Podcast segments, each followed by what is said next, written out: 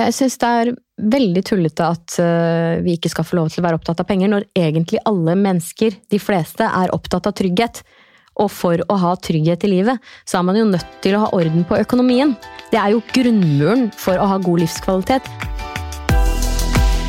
Velkommen til Pengesnakk podkast. I dag har jeg besøk av en spennende gjest som skal få lov å dele om sin økonomi og alt mulig rundt eh, penger og livet. Velkommen til deg, Lene Alexandra. Tusen hjertelig takk. Veldig hyggelig å være her. Du er jo en eh, skal si, ekte kjendis. Men man vet jo aldri. Kanskje det er noen som ikke vet hvem du er. Og uansett så har jeg lyst til å ha et sånt å gå gjennom litt sånn karrieren din. Hva Oi. er det du har vært med på opp igjennom? Fordi du er en vanvittig allsidig dame. Oi, takk. Tusen takk for komplimentet. Det var fint sagt. Uh, ja, jeg er jo ganske nysgjerrig og leken og ønsker jo å få maks ut av livet og oppleve så mye som mulig, da. Så jeg har jo tatt en del sjanser, og det har jo resultert i at jeg kanskje har gjort litt mer forskjellige ting enn folk flest. Har kanskje en litt mer fargerik bakgrunn og historie. Ehm, de fleste kanskje går skolen ferdig og jobber fra åtte til fire og spiser taco på fredag, men uh, Taco er godt, Alene. Ja, det er det. Det er det. det er faktisk lenge siden jeg har spist, når jeg tenker meg om. Men uh, ja. Ja. Heller hamburger for min del, men uh, i hvert fall. Uh, så jeg vet ikke helt hvor jeg skal starte. Altså, det er sånn, Jeg har gjort så mye at jeg glemmer nesten ja. alt. fordi at jeg lever jo veldig i nuet. ikke sant? Og så når jeg har nådd et mål, så legger jeg det bak meg. Og de eneste gangene jeg ser tilbake, det er jo for å se på de gode prestasjonene, så jeg skal få motivasjon til å nå nye mål. Ja. Egentlig. Men første gang jeg så deg, så var du på en strand. Er det sant?! Jeg var på en strand! Oi. På Robinson-ekspedisjonen. Oh, ja. Der okay. begynte liksom din ja, eh, reise ja. sånn som andre kan se, da. Ja, det vil jeg si. Det var nok eh, starten. Og um Herregud, jeg har gjort mye, og det er en lang historie, men jeg skal prøve å holde meg til saken. Uh, fordi jeg havnet jo der tilfeldig fordi jeg hadde jo en drøm om å bli artist da jeg var liten. det har du på, hatt med deg fra du var liten? Ja. Mm. For jeg så på MTV, og jeg sang i skolekor og gospelkor, og eh, opptrådte i alle familieselskaper, og ja, var ganske glad i oppmerksomhet og stå på scenen, da. Eh, og så var jeg jo på Annie Audition da jeg var ti. Eh, og så var jeg med på Juniorsjansen da jeg var 14. Og så um, var jeg jo innom Idol også. Jeg tror faktisk det var før Robinson, jeg er ikke helt sikker. Ja, og da fikk der, jeg litt sånn motivasjon, lagde noen demoer, og så ble jeg jo modell. Eh, og så havnet jeg da i forskjellige musikkvideoinnspillinger. Og jeg var jo da på musikkvideo for Tungtvann, musikkvideoinnspilling. Og der var Christer Falk, som var programleder for Robinson-ekspedisjonen. Ja. Og jeg, jeg, har lært hjemmefra at du må være frekk og frampå hvis du skal komme noen vei. Ja. ja. Må jobbe hardt, skal du få til noe. Eh, så jeg gikk jo rett bort til Christer Falk og så sa jeg jeg har lyst på platekontrakt. Eh, det fikk jeg jo da ikke på stående fot, eh, men det endte med at han overtalte meg til å delta i Robinson-ekspedisjonen. Jeg synes jo egentlig at reality var ganske teit, men han argumenterte med at jeg kunne én jeg kunne få en utfordring, og jeg har jo alltid vært revet av utfordringer. Eh, samtidig kunne jeg jo utvikle meg selv, og jeg kunne få et navn som senere kunne gjøre at jeg kunne få platekontrakt. Eh, og mm. da var jo den saken grei. Da, da takket jeg ja til det, og da ble jeg jo da årets babe på Robinson-ekspedisjonen. For jeg hadde jo den gangen store silikonpupper og ja. Ja. Var ganske sånn Syns det var ålreit å være lettkledd og vise meg fram, da. Eh, og det at jeg var med i Robinson-ekspedisjonen gjorde jo at jeg fikk et navn. Jeg var jo i massevis av intervjuer i kjølvannet av det, for Christer Falk sendte meg jo rundt på alt mulig slags promo i aviser og TV og PR-stunts her og der. Eh, og det gjorde jo også at jeg fikk platekontrakt. Hos Christer Falk? Ja, på CC Records. Og mm den muligheten jeg fikk, da Jeg hadde jo fortsatt litt sånn tomrom inni meg. Jeg var ikke så selvsikker, faktisk. Eh, selvfølelsen var lav, så jeg, jeg, trodde kanskje ikke jeg var så god som jeg egentlig var. Eh, så jeg trodde at den eneste muligheten jeg fikk, var å gi ut den ene låten som de kom med forslag til at vi skulle skrive, da. Som het My Boobs Are Ok. og, da, og det ble jo en kjempehit. Ja da, men uh, jeg var sammen med en eldre uh, galant forretningsmann den tiden, da. Uh, og vi diskuterte jo dette om det var smart. Jeg hadde jo faktisk trukket meg litt tilbake og jobbet i, mm. i bookingen på Eik etasje.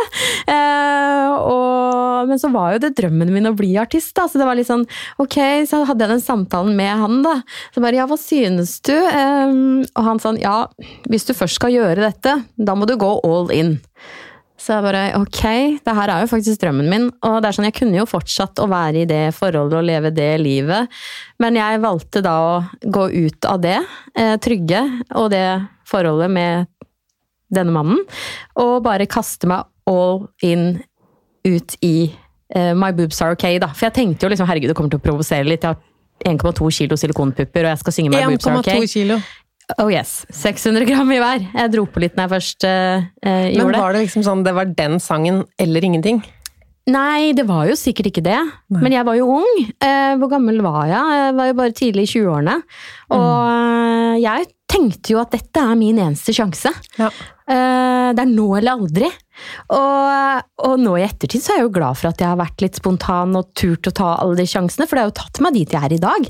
Men eh, ja, det var sikkert andre alternativer. Jeg kunne helt klart gått andre veier, men jeg har valgt å kaste meg uti ting og ta sjansen og gjøre det beste ut av det. Da. Og det som skjedde, var jo det at det ble jo en kanonsuksess. Eh, det har jo vært en hit i Norge og flere andre land.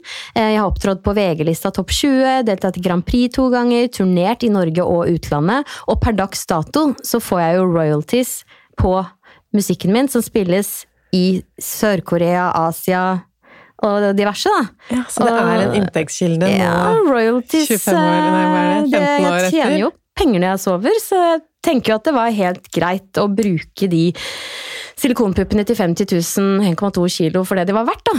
Ja. Men du har jo endra deg på mange måter, blant annet så er den eh, silikonen er borte. Ja, den er borte. Ja, det er sant. Det er helt silikonfritt her nå. og det med endring er jo nå både jobben din, at du coacher andre gjennom livsendring, mm. og så er du jo så opptatt av eh, fitness, styrkeløft. Altså mm. være sterk og sunn både inni og utapå. Mm. Hva slags endring har det vært fra å være babe på stranda og i musikkvideo til den motivatoren du nå er for andre. og ja.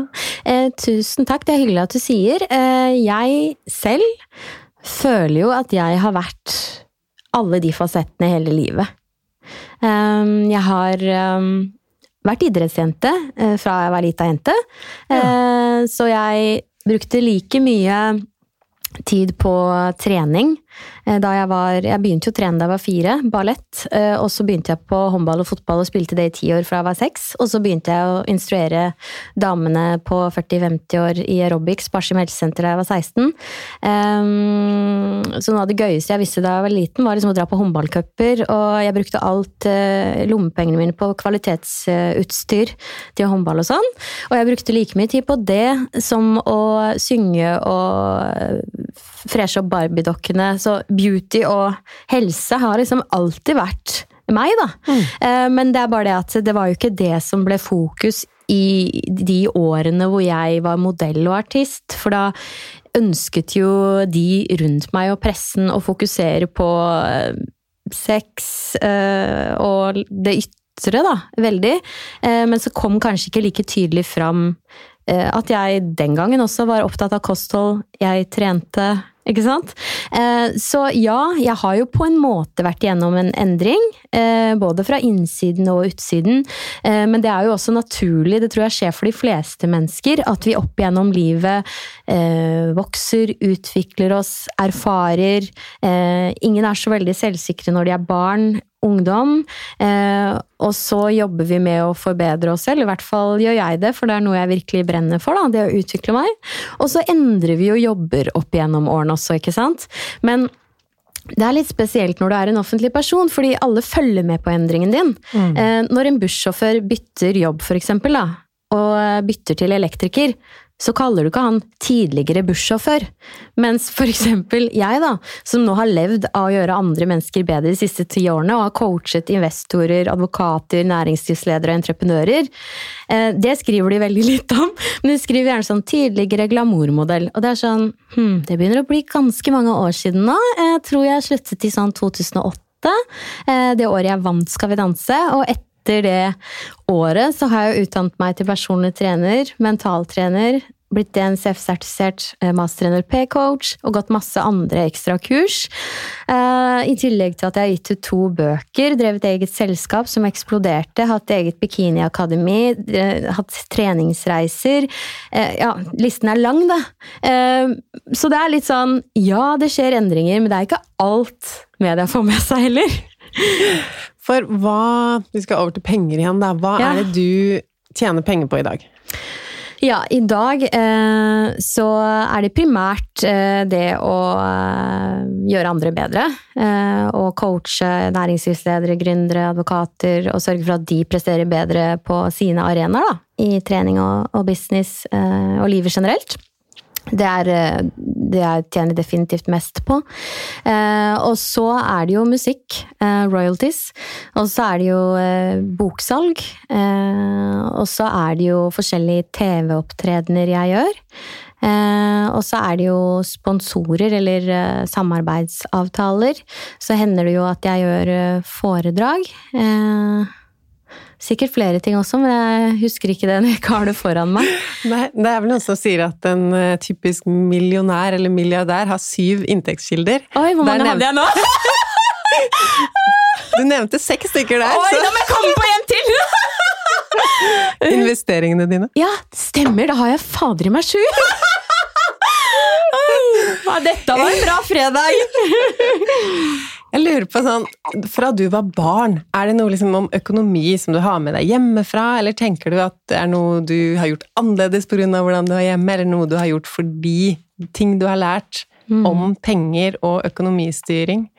Jeg tror ikke jeg har lært så veldig mye om det hjemmefra, for å være helt ærlig. Jeg har hatt en veldig sånn fri oppdragelse og bare måttet lære meg ting selv og gjøre det jeg har hatt lyst til.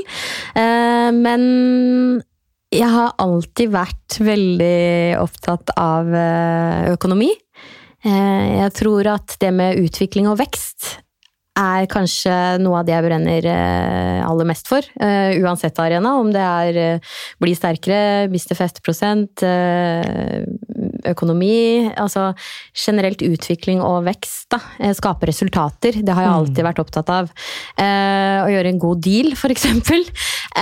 Så, så har jeg også vært opptatt av kvalitet, da.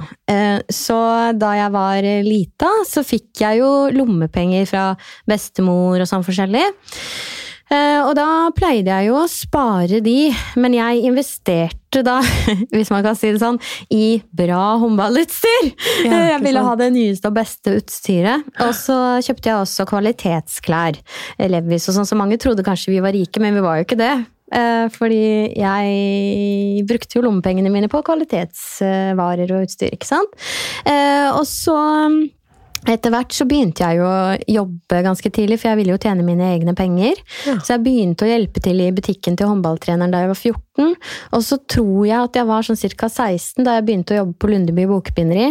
Og da hadde jo jeg Jeg skulle jo spare til mine første silikonpupper, fordi at jeg så jo på Baywatch og så jo hvordan hun løp sånn i slow-mo, og bare hun så jo helt fabulous ut. Så bare jeg hadde sett så bra ut som henne, da ble det jo helt fabulous, tenkte jeg. Mm. Så jeg jobbet dag og natt, jeg tolvtimersskift på Lundeby bokbinderi for å spare opp nok penger til det, da. Så det var liksom mitt første sånn sparemål, egentlig. Eh, og det var jo 20 000 eller noe sånt, det. Mm. Eh, og det gikk ganske fort, for når jeg først vil noe og har bestemt meg for det, så går jeg all in for det, selv om det kanskje er smart eller ikke. Eh, og jeg hadde jo spart opp første gang da jeg var 16, men da fikk jeg ikke lov til å operere, så jeg måtte vente på det, da.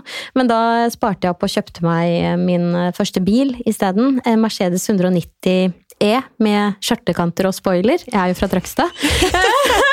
jeg tror faktisk det var Sotaruter òg. Ja. Men i hvert fall, eh, så da råna jeg rundt i den, og da jobbet jeg jo også på, eh, på Lundeby Bokbinderi. Og så begynte jeg jo å instruere Robix også. Og eh, da jeg var 19, så, så la jeg meg under kniven og opererte da for første gang. Så det var liksom mine første sånne sparinger, hvis man kan si det sånn. Ja. Kanskje litt spesielle, men jeg nådde målet i hvert fall. Det Ja. gjorde du, og du kjøpte deg det du ønska deg. ja. Men du har alltid, altså du har aldri hatt dårlig råd noen gang? Du har alltid jobba og stått på og tjent dine egne penger? Dårlig råd, det spørs jo hvordan man ser det, da. Jeg er kanskje mer økonomisk bevisst nå enn før. Eh, Jeg var kanskje mer opptatt av å tjene pengene før, men eh, når jeg har blitt eldre, så har jeg kanskje blitt litt mer opptatt av kostnader VS utgifter. Eh, det hele bildet, da. Ja. Og så har jeg jo hatt noen opplevelser i livet mitt som har gjort at jeg har fått noen wake-up calls, kanskje. Eh, sånn som for eksempel, jeg hadde jo en stor drøm om å bli artist.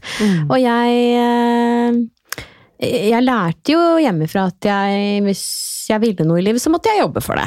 Ja. Eh, og det er vel kanskje noe av det som har vært viktig for meg, da, og kanskje noe av grunnen til at jeg er opptatt av å tjene mine egne penger og få ting til å skje, og ikke vente på at, ting skal, at noen skal banke på døra, da. Eh, det å tørre å spørre og ta initiativ, det har jeg skjønt at det er ikke unikt. Men i hvert fall 19 år gammel så flyttet jo jeg til byen. Eh, fordi jeg fikk ikke til skole. Eh, jeg satt og dagdrømte og var ikke til stede og klarte ikke å fokusere. Eh, så eh, jeg eh, flyttet til byen og valgte å følge drømmen om å bli artist, da. Og eh, da begynte jeg jo Jeg bodde i et bokollektiv. Eh, Faktisk i starten så var det med seks eller sju gutter, eh, og samtlige hasjrøykende. Så det var liksom en spesiell opplevelse, men jeg er ganske tilpasningsdyktig, så det gikk fint det òg. Og jeg begynte jo å jobbe i vikarbyrå, og så begynte jeg å jobbe på Peppers Pizza og Fridays, og syntes det var gøy å møte folk og prate med folk, og fikk jo bra tips. Jeg tror jeg hadde sånn 10 000 i måneden i tips, da. For jeg skjønte jo det at hvis jeg fikk de til å føle seg bra, så regna det på meg. Eh, så det, det var gøy. Uh, men så skjønte jeg jo at eh, jeg tror jeg hadde sånn 25 000 utbetalt jeg, når jeg var 20. Jeg syns det var ganske bra. Um, men så skjønte jeg at eh, jeg har jo ganske dyre vaner, Uh, og liker litt dyre ting. Og liker å gå på beauty treatments og alt mulig, så det her var jo, det var jo litt dyrt faktisk å bo i byen. Så da, fordi da bodde jeg ikke hjemme lenger, så da måtte jeg jo begynne å skjønne verdien av ting, ikke sant. Uh, så da faktisk begynte jeg å jobbe med striptease. Fordi at jeg måtte ha litt ekstra cash i byen. Eh, og eh, det høres kanskje rart ut, og jeg fikk en del reaksjoner på det, for det er jo ikke helt sosialt akseptert. eh, Så du jobba på Peppes på dagen, og så striptease om kvelden? Nei, jeg, faktisk, jeg tror jeg jobbet Ja, jeg gjorde jo faktisk det. Ja, jeg gjorde faktisk det. Så jeg har alltid hatt litt sånn er det næringsvett? Eller sånn eh, jobbe for meg, jobbe for penga. Eh, she works hard for the money! ja, eh, så jeg, eh, jeg tenkte jeg må tjene mer penger. Ja. Det var løsningen, liksom. Jeg tenkte ikke så mye på å kutte kostnader. på Nei, Nei, jeg nei. Nei, jeg tenkte ikke det, da. Eh, Jeg tenkte bare mer penger. Eh, vekst. Eh, og, så, og det gjorde jeg vel jeg, overraskende lett å lære seg for meg. Eh, jeg går lett inn i forskjellige roller og føl- følte faktisk at det var noe jeg var god på. Så da startet jeg mitt første selskap, for jeg hadde ikke lyst til å jobbe svart. Nei. Så det var det jeg egentlig da jeg startet mitt første selskap, 19 år gammel, med striptease. Ja. Så jeg har jo hatt veldig mange forskjellige måter å tjene penger på, da. Eh, Men jeg vet ikke helt akkurat når det var jeg begynte å bli mer bevisst på kostnader ved inntekter. Eh, Men det var vel etter hvert som jeg startet mitt eget selskap. Eh, Det var det. Og at jeg når jeg liksom For jeg flyttet litt hjem igjen, og så flyttet jeg ut igjen. Eh, Så det var vel kanskje Jeg vant jo Skal vi danse i 2008. eh, og så hadde jeg jo slitt meg ut, så jeg lå og hvilte det året etterpå. Og så måtte jeg jobbe meg opp igjen da. Og da, da faktisk skulle jeg jo endre karriere. Ehm, for når, eller da jeg hoppet inn i Skal vi danse, så visste jeg bare at jeg vil ut av det her. Jeg føler at jeg går for mye på tvers av verdiene mine. Jeg må gjøre ting som jeg ikke føler meg komfortabel med. Noen kontrollerer meg, og dette oppleves ikke bra. Jeg har lyst til å være mer meg selv og mer fri. Eh, Jeg vil være sjefen i mitt eget liv. Eh, Så jeg kastet meg jo egentlig ut i noe uten sikkerhetsnett. Eh, Det er jo egentlig ikke å anbefale for alle, men jeg fjernet noen silikonpuppene som jeg trodde var det eneste jeg hadde av verdi. mm. Og kastet meg ut i det ukjente. Jeg visste ikke hvor jeg skulle. Det eneste jeg visste var at jeg må jobbe med noe som jeg har lidenskap for. For eh, jeg gidder ikke å ha en sånn vanlig 8-4-jobb, liksom. Og så må jeg ha en jobb som passer til meg, ikke en jobb jeg skal passe i. Mm. Uh, og da valgte jeg jo da å flytte hjem og ligge på sofaen til moren min et års tid. Og så vente til uh, jeg var i gang igjen. Uh, og det som fikk meg opp, det var jo faktisk forfengeligheten min. fordi jeg orket jo ikke å forfalle. Så jeg kom meg omsider inn på Sats, da. Og så fikk jeg meg en personlig trener. Og eh, hun var veldig sånn god på å se meg som menneske, da. Ikke Lena Alexandra-figuren, på en måte. Eh, og vi fokuserte jo da på å bli sterk framfor tynnest mulig. For jeg hadde jo fortsatt spiseforstyrrelser da jeg vant Skal vi danse. Eh, mm. Så da ble jeg kvitt det. Og så elsket jeg jo trening. Da fant jeg liksom tilbake til den håndballjenta jeg pleide å være. ikke sant? Jeg fikk skikkelig lidenskap for det her, fordi jeg opplevde enorm mestring ikke sant? og følte at dette var noe jeg var god på. Eh, samtidig fikk jeg mer kunnskap. Jeg utviklet meg. Eh, og så hadde jeg jo da en PT-ansvarlig, og hun hadde jo tro på at jeg kunne bli en kjempegod PT. Og jeg må innrømme jeg hadde ikke det, for jeg trodde liksom at jeg var mest opptatt av meg selv og min egen trening. Eh, men hun hadde tro på det, såpass tro på det, at jeg valgte å stole på det. Eh, så jeg brukte de siste sparepengene mine fra Showbiz, da, det tror jeg var 50 000 eller noe sånt jeg hadde da, som jeg valgte å gå all in på PT-utdannelsen. da. Eh, investerte alt inn der. Og så gikk jeg ut i VG på dobbeltside, og så sa jeg sånn Nå skal jeg bli PT! Bare ops, ja ja. Uh, da måtte du jo bli jeg det. Jeg måtte jo bare levere, på en måte. Og jeg gruet meg jo litt, fordi jeg hadde jo ikke prestert så veldig bra på skolen, for jeg var jo litt sånn ja, eh, ukonsentrert, fordi jeg drømmet mye og sånn. Så eh, jeg måtte fokusere skikkelig, men dette var noe jeg brant for, da. Så jeg sugde til meg informasjonen som en svamp, hadde skikkelig laserfokus. Men allikevel, selvbildet mitt var fortsatt ikke så bra, så jeg trodde at jeg kom til å stryke. Mm. Og så får jeg beskjed da fra han som eh, driver skolen at du har en av de beste besvarelsene i klassen. Og jeg bare oh shit, jeg ble helt sjokkert. Eh, og så kom jo det der at å herregud, ja, nå skal jeg begynne å jobbe, faktisk. Så jeg gikk ut på Twitter og litt sånn forskjellig og sa hei, jeg skal bli PT, har du lyst til å komme inn for en konsultasjon eller audition, så vi kan se om det er riktig for oss å jobbe sammen, da. Så jeg booket opp alle på én dag. What? Og allerede etter to dager på jobb eh, så hadde jeg slått salgsrekord. Da hadde jeg solgt for mer enn noen noensinne hadde gjort den første måneden. Og det er sånn, for meg, da, så er det sånn at eh, jeg hadde ikke bodd i en leilighet i Hegdehaugsveien hvis ikke jeg hadde skapt resultater. Skjønner du? Altså, jeg er avhengig av å gjøre en god jobb. Eh, jeg kan på en måte ikke sluntre unna. Eh, så jeg må vise respekt overfor de som kommer til meg. Det er like viktig for meg å nå målet som for dem. Det er jo det jeg lever av. Men la oss snakke litt eh, om det med ujevn inntekt, for det regner jeg med du har, eller i hvert fall har hatt. At noen mm. måneder har du fått masse penger inn på konto, mens andre måneder er det lite eller ingenting. Mm. Hvordan takler du det? Uh, jeg har opp igjennom årene opplevd den berg-og-dal-banen på mange forskjellige plan. Både i forhold til media, å være inn ene dagen og ut andre dagen. Eh, og i forhold til inntekt, ikke sant. Det går jo litt sånn hånd i hånd, om man er eh, attraktiv eller ikke. Eh, så det er jo ikke alle som tåler det. Og da blir de borte fra rampelyset eller får seg en 8-4-jobb. Eh, jeg har jobbet med meg selv, eh, og jobbet med det å føle at jeg er bra nok uansett, avhengig av hva jeg tjener eller om jeg er på cover av et magasin. Jeg er bra nok som jeg er. Eh, og så har jeg blitt opptatt av å leve et ganske sånn nøkternt, normalt liv. Hva skjedde med alle de dyre vanene? Jeg skjønte vel at det ikke var bærekraftig på sikt, egentlig. Eh, og så forsto jeg også at når I hvert fall er jeg veldig sånn at eh, når jeg lever et nøkternt, eller ganske normalt liv, sånn som eksempel jeg tar kollektivt og kjøper årskort og sånne ting, eh, for det er økonomisk eh, Jeg syns faktisk det er litt kult å være økonomisk. Eh, kulere enn å flashe alt mulig luksus. Altså Når noen sender bilder av Lamborghinien min til meg, så tenker jeg bare sånn Ok. så jeg syns det er veldig kult, da. Eh, for det også har jo litt med utvikling og vekst å gjøre. Eh, så jeg begynte å bli veldig god på å kutte kostnader.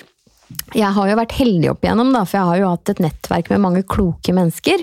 Og mye businessfolk. Og etter hvert så har jeg jo coachet mye businessfolk også, så jeg snapper opp ting. Eh, jeg er veldig sånn på å modellere, se hva andre gjør, og så er jeg veldig nysgjerrig. Jeg stiller mye spørsmål. Det er sånn jeg lærer mest. Eh, så jeg begynte å, å har kutte kostnader. Eh, og jeg har kuttet kostnadene så mye at jeg kan ta en hvilken som helst jobb og så går det fint. Jeg har så lite faste utgifter. Mm. Og det gjør jo jeg fordi at en av mine viktigste verdier i livet er frihet. Men også trygghet. Og det er fordi at eh, jeg er veldig opptatt av det å stå på egne bein. Ikke være avhengig av noen mannfolk. Eh, jeg liker ikke å bli kontrollert eller styrt. Jeg vil gjøre det jeg vil, når jeg vil det. og da skjønte jeg jo at økonomi er viktig. Og nå skal jeg faktisk fortelle hvorfor jeg ble så opptatt av det. Fordi i tidlig 20-årene så kunne jeg fort gjort ha blitt en golddigger. Jeg prøvde meg faktisk litt på det. og ja, for jeg møtte en sånn producer i Saint-Tropez når jeg hadde tatt en spontan tur dit hvor jeg bare kjøpte billetten og ikke hadde noe hotell og bodde i bilen og sånn. Jeg var litt mer crazy før. Eh, og da Han var jo sånn Å, jeg er produsent i LA og I got a mansion, og jeg blåøyd som jeg var i tidlig 20-årene. Man er jo litt mer naiv da. Så jeg bare Hørtes ut som en drøm, det. Ja, helt fantastisk! Så jeg dro jo og satte meg på første fly jeg, til LA, og nå skal jeg bli popstjerne, ikke sant. Uh, kommer dit. Uh, helt vanlig hus. Ja, det var en pool, men det var ikke noe mansion. Eh, Riktignok, da, eh, så ble jeg satt i frisørstolen og gikk fra brunette til blondine på én dag, for han hadde alltid ønsket seg en blondine. Også, det var det første som skjedde. Ja, og Så fikk jeg klær for 100 000 på en uke, og så kjøpte han en hund til meg på kjøpesenteret. Men den hunden den kunne jeg ikke få ta med meg hjem til Norge, da, så han prøvde jo å kontrollere meg. ikke sant? Ja, det likte jeg det veldig fort, dårlig. Altså. Ja, det gikk veldig fort. Men sånn kan det gjøre når folk har penger og tror de kan kjøpe hva de vil. Ja. Og da fant jeg ut jeg er ikke et godt material for å være goldiger. Da skjønte jeg, Lene, you gotta work hard for the money. Altså, ja. tjen dine egne penger. Punktum. For det her, det er ikke noe for deg. Så da skjønte jeg bare det at uh, jeg måtte jobbe for mine egne penger. Og etter det så ble jeg veldig motivert for å lære meg mer om økonomi og, og business. Jeg har alltid for så vidt vært um, business-minded. Eh, og ønsket å gjøre gode dealer og, og, og, vært smart med penger. Men da ble jeg enda mer interessert. Eh, det, og det er liksom bare én historie av sånne opplevelser med menn som har gjort at jeg har blitt mer eh, business-minded, da. Mm. Eh, så de har kanskje prøvd å kontrollere meg, eh, og det har gjort at jeg har bare tenkt sånn uh, uh, uh, Ain't working. Så da har jeg fokusert på å kutte kostnader. Og finne flere måter å, å tjene penger på. Eh, og det er jo veldig mange forskjellige ting man kan tjene penger på. Eh, og det interessante, syns jeg, da, i forhold til dette, er jo det at eh, jeg har jo, har jo ikke akkurat jeg er ikke utdannet lege eller advokat, eh, og veldig mange ser jo på det som sånn status. Da tjener du bra, da har du orden på ting. Men det er så feil! Eh, fordi jeg datet jo. For en forretningsadvokat, og så kommer moren sånn 'Du jobber som PT, ja?' Og så legger hun hodet sånn på skakke, og så 'Kan du leve av det, da?' Mm. Jeg bare Fordommer. ok. Akkurat nå så tjener jeg kanskje mer enn sønnen din, men uh, ja da. Jeg smilte pent og liksom prøvde å holde, holde inni meg. Men det, altså, folk misforstår så veldig. Fordi en advokat trenger ikke å tjene mer enn en personlig trener. Det handler om innsats, og det handler om eh, hvordan man tenker. Fordi er, man kan jobbe smart, og man kan jobbe ikke smart. Det er ikke alle advokater som tjener fett. Jeg vil ikke sette meg i en situasjon hvor jeg blir nødt til å gjøre desperate, dumme ting. Fordi det er nok kanskje da jeg bodde i Oslo, da jeg var 19 år og begynte å jobbe med striptease. ikke sant? Jeg har ikke lyst til å havne i den situasjonen nå. Jeg blir 40 i oktober. Det passer seg liksom ikke helt. Uh, og jeg har ikke lyst til å takke nei til f.eks. å reklamere for ting som jeg ikke kan stå for i sosiale medier. Jeg har ikke lyst til å måtte ende opp med å være sammen med en mann jeg ikke har lyst til å være sammen med. Skjønner du? Jeg vil heller ha kontroll og kunne ta valg som er i tråd med mine verdier, og det gjør også at jeg føler meg mer selvsikker som kvinne, da. Eh, og jeg, brenner veldig for dette, da. Jeg synes flere kvinner burde være mer opptatt av økonomi. fordi selv om vi er i 2021, og det snakkes om at det er så mye mer likestilling, så er det faktisk ikke det. Og det tror jeg, der tror jeg faktisk vi kvinner må steppe opp gamet lite grann. Fordi at uh, mulighetene er der. Eh, men flere kvinner må jo være opptatt av å tjene sine egne penger. Ehm, for det er jo mye sånn at ja, i selskaper at man må ha flere kvinner inn, men hva hjelper det hvis kvinner ikke har lyst? Eh, jeg tror liksom at hvis flere kvinner hadde hatt lyst til å tjene mer penger og ha mer ansvar, så hadde vi hatt det. Men flere kvinner er jo mer opptatt av å passe på barn eh, og være hjemme, og det er greit. Ehm, men likestilling, den, vi må ta den makten. Vi kan ikke vente på at den blir gitt til oss. Tenker jeg, da. Hva tenker du? Ja, akkurat nå tenker jeg på hvordan vi òg snakker om damer som har den type ambisjoner, da. At hvis vi ser i Det var vel i fjor en gang, eller sånne artikler kommer ofte, da. Den og den sa når han var 14 at han skulle bli millionær innen han var 20. Og så mm. er det en sånn suksesshistorie om en uh, mannlig gründer. Mm. At hvis en 15 år gammel jente sier at 'jeg skal bli millionær, jeg skal ha så mye penger, jeg skal bli rik', mm. så er det mer sånn hvem tror du Du skal ikke snakke om sånt. Det er liksom ikke feminine drømmer. At det er liksom ikke helt et riktig bilde. Morsomt. Veldig interessant at du sier akkurat det. For det er litt sånn jeg har opplevd det også, at man skal ikke snakke om penger i Norge. Og spesielt ikke hvis man er kvinne, for det skal du ikke være opptatt av. Du skal være opptatt av å være en rugemaskin og passe på barna og øh, fjolle i hjemmet. Og det er jo sånn som veldig ofte skjer også, at det, fortsatt den dag i dag, så mannen går på jobb, han og kommer hjem og har det egentlig ganske greit. Nå skal jeg ikke generalisere, det gjelder selvfølgelig ikke i alle forhold, men jeg har jo observert ved å coache forretningskvinner og menn og se de ulike forskjellene, at veldig mange kvinner er forretningskvinner i tillegg til at de organiserer hjemme, er assistent, passer på barna, er sykepleier for mannen og vasker. Eh, det høres jo helt crazy ut, og sånn bør det jo ikke være. Men så må man jo også tørre å stille krav til denne mannen, da. Og det er det jo ikke alle som gjør. ikke sant? Så man må jo på en måte eh, legge ting til rette og tørre å si ifra. Og, og, det du sa der i forhold til at kvinner skal ikke være opptatt av penger og makt, det synes jeg er veldig urettferdig og veldig tullete. Eh, fordi vi eh, kan like gjerne være opptatt av det som mannfolk. Eh, hvorfor skal ikke det være lov? Og når jeg tenker tilbake på min karriere, eh, da jeg tidligere var eh, modell og artist, da, eh, da hadde jeg jo et management som jeg fikk beskjed om å ikke snakke om penger. Offentlig. Ja, og nå skjønner jeg jo litt hvorfor. Mm. Uh, fordi det passet jo ikke imaget min, for jeg skulle jo bare se bra ut og, og være omsorgsfull og liksom spre glede, liksom, eller noe sånt.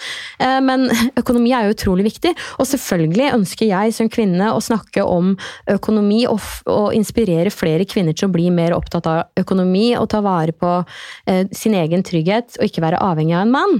Det er ikke det at du ikke skal ønske å være i et forhold med en mann, men det må være likevekt, da. Begge bør være like mye verdt, og man skal ikke være med noen pga. penger. Man bør eh, tjene sine egne penger og stå på egne bein, og så kan man heller velge å være sammen med noen av kjærlighet, da, tenker jeg. Eh, jeg syns det er veldig tullete at eh, vi ikke skal få lov til å være opptatt av penger, når egentlig alle mennesker, de fleste, er opptatt av trygghet. Og for å ha trygghet i livet, så er man jo nødt til å ha orden på økonomien. Det er jo grunnmuren for å ha god livskvalitet, og det igjen henger jo sammen med det jeg driver med, da. Som handler om helse, trening og livscoaching. Eh, hvis du ikke klarer å betale dine egne regninger og løper et hamsterhjul for å betale de, så skaper det enormt mye stress. Da klarer du jo heller ikke å gjøre en livsstilsendring og gå ned i vekt, eksempel. Nei, det er det. At pengene er en trygghet, og så er de også muligheter. Mm. Sånn hvis du tenker at nei, jeg er ikke så grisk, jeg vil ikke ha så mye penger. Men du vil kanskje ha flere muligheter og større trygghet, og det er akkurat det samme. Ja, og det er jo som med det du jobber med, med økonomi, akkurat som med trening, at du kan ikke sitte og vente på at det regner ned i fanget på deg.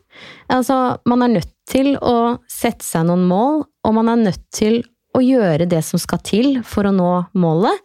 Altså det er så mange som snakker om at de har dårlig råd, eh, og at ja, jeg har ikke råd. Og så ser jeg de på en eller annen dyr restaurant to dager etterpå, eller de har kjøpt en dyr veske. Det er sånn, ok, er det så viktig for deg å ha den dyre vesken?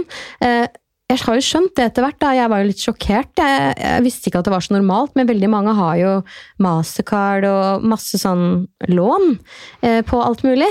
Jeg visste ikke at det var normalt. Og da skjønner jeg hvorfor folk kan gå rundt med masse sånn dyre designervesker, men altså for meg så er det helt utenkelig. Ja, og det er jo lett å bli når man ser andre som har disse luksustingene, så tenker man jo at det er helt normalt. Det må jeg også ha, hvordan har de råd til det? Ja, så tar man kanskje også opp det kredittkortet, og så Nei, det er veldig skummelt med kredittkort. Og så handler det jo om prioriteringer, da. Det med å ikke ha råd. For mange så handler jo det om hva du har gjort kanskje litt tidligere i måneden. Ja. At du har råd til veldig mange ting, men du har jo ikke råd til alt. Så du Nei. må jo ta valg. Ja, Hvis du ser at det minker og minker og minker på kontoen, da har du brukt for mye penger. Det er litt som med kalorier. Eh, Jeg pleier å mange det. paralleller her. Ja, fordi at jeg, jeg coacher jo mye forretningsfolk, og de skjønner penger, ikke sant? Eh, Men det er ikke alltid de skjønner at de ikke kan spise mer enn de får lov til, ikke sant? Så jeg tenker sånn, kalorier, du kan ikke spise mer enn du eh, forbrenner, eh, for da, da legger du på deg, da blir du tjukk. Det er som med penger, du kan ikke bruke mer penger enn du har. Eh, så det pleier jeg å bruke som eksempel, og da pleier de fleste å, å forstå det egentlig. Um, ja, det er veldig spennende akkurat det der. Tusen takk for at du kom og var gjest i podkasten min, Lene. Tusen takk, det var veldig gøy.